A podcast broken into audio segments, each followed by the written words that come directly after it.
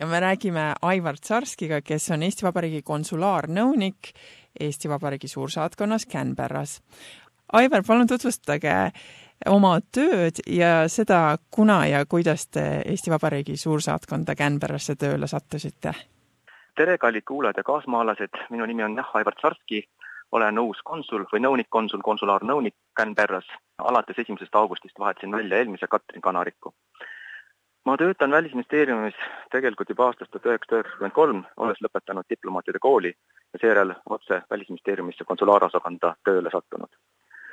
Canberrasse ma tulin otse Kiievist, et olin viis aastat seal samuti konsulaartalituse direktor ja nüüd siis neli kuud Canberras olnud ja tutvunud olukorraga, inimestega ja harjunud eluoluga. millised ülesanded konsulaartöö alla kuuluvad, et mida see täpselt tähendab?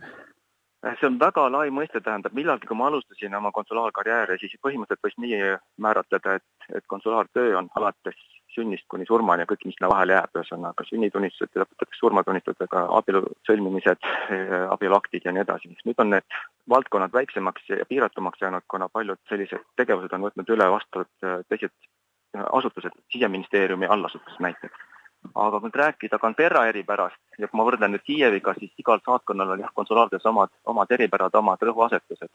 et kui Kiievis oli põhiliselt viisatöö, viisavabrikuks me nimetame seda isegi koos Venemaal asuvate saatkondadega, ja elamistööload, siis Canberras on põhiline töö eestlaskonnaga ja peamine töövaldkond on passitaotlused, see on kõige suurem lõik.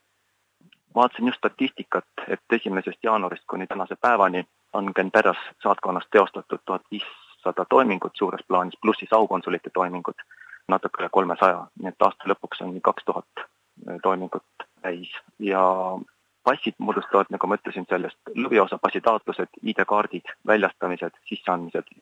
Ja neid on üle tuhande.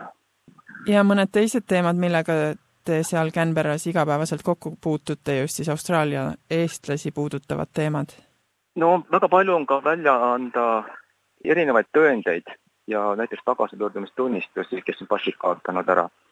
et tõendeid küsitakse näiteks Austraalia migratsiooniteenistuse palvel või siis ka noortel puhul, kes asuvad siia tööle ja need on peamiselt siis karistusregistri tõendid. Need tulevad siiski Eestist eestikeelsed täna ja, ja meie siis anname eestikeelsele tõendile toetudes või alusel välja inglisekeelse tõendi samuti on tarvilikud või väga tihti küsitakse sünnitõendeid, muud rahvastikuregistri toiminguid, mõnikord ka surmatõendeid ja, ja nii edasi. Austraalias elav eestlane puutub kokku erinevate ametitega või ajab mingisuguseid asju, kas siis Eestis või Austraalias, et kas teie olete see esimene infopunkt, kelle poole pöörduda või on mõni teine koht, näiteks internet, kust ise infot leida?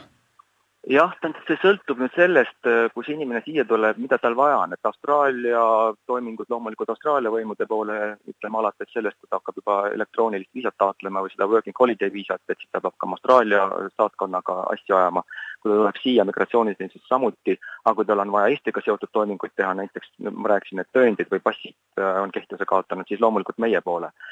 et äh, parasjagu see jah, milliseid, milliseid toiminguid inimesel on tarvis teostada aga võimalik ka alustuseks vaadata internetti, meie Välisministeeriumi kodulehekülge äh, vm.ee, ka seal on peamised, ütleme noh, infomaterjalid kättesaadavad, alates hiljuti välja töötatud juhendmaterjalidest Reisi targalt, mida kindlasti soovitan vaadata